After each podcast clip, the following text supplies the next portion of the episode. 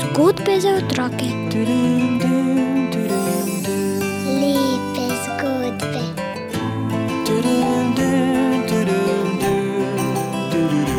Bere nam jih Juri Sešar. V današnjem delu zgodbe o dveh velikanih in še večji mamici se bomo, dragi poslušalci našega podcasta Zgodbe za otroke, srečali z nebeško mamo Marijo. 21 zgodb ste že slišali o dveh velikanih in še večji mamici. Spomnimo se, da je bila mama prvega velikana, ki smo ga spoznali, Frančiška Saleškega, zelo mlada, ko je postala mamica. Bila je stara 14 let. In tudi Marija, Jezusova mama, je bila zelo mlada, ko je rodila Jezusa, odrešenika. Mama Marjeta je bila kakih deset let ali še malo več starejša, ko je rodila sina Janeza. A ko se je za mamo Marjeto zemeljska pot končala, je Don Boska kljub žalosti, ki jo je čutil ob smrti svoje mamice, obšla misel: Mati Marija. Rečemo ji tudi toležnica žalostnih je mama v nebesih, k njej se bom zdaj še bolj obračal. Marija, nebeška mama, ima zares veliko imen. Toležnica žalostnih pomeni, da se pri njej ustavimo, ko smo žalostni. Pomoč kristijanov pomeni, da se pri njej ustavimo, ko kot kristijani, Jezusovi bratje in sestre potrebujemo pomoč.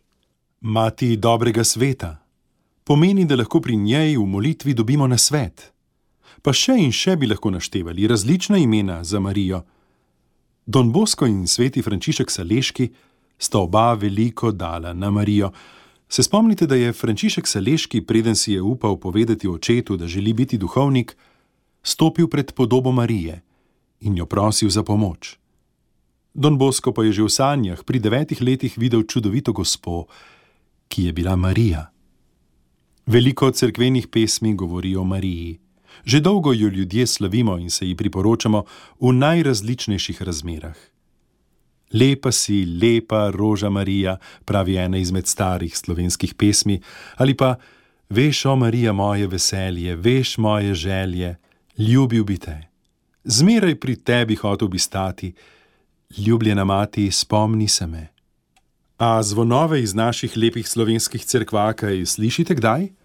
Tudi ti vsako jutro ob sedmih zjutraj zvonijo, in če jih slišimo, to pomeni, da smo živi in se ob tem lahko zahvalimo Bogu in nebeški materi Mariji za mirno noč in ga prosimo za lepo preživet dan. Pa, če smo iskreni, vsak dan res ne more biti dober. Niti ni bil vsak dan dober za Don Boska ali za Frančiška Saleškega ali za Marijo, ko je še živela na zemlji. A zagotovo je bilo v vsakem dnevu vsaj nekaj dobrega. Marija nas v vsakem položaju čaka. Nas vabi, da nas potolaži, da nas pomiri, da nam da misliti.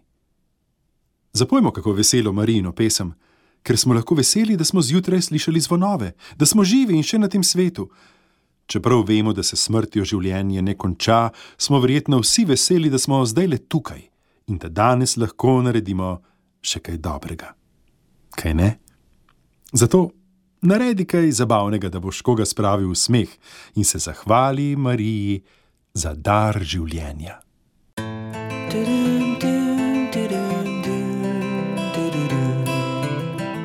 Zgodbe za otroke. Lepe zgodbe.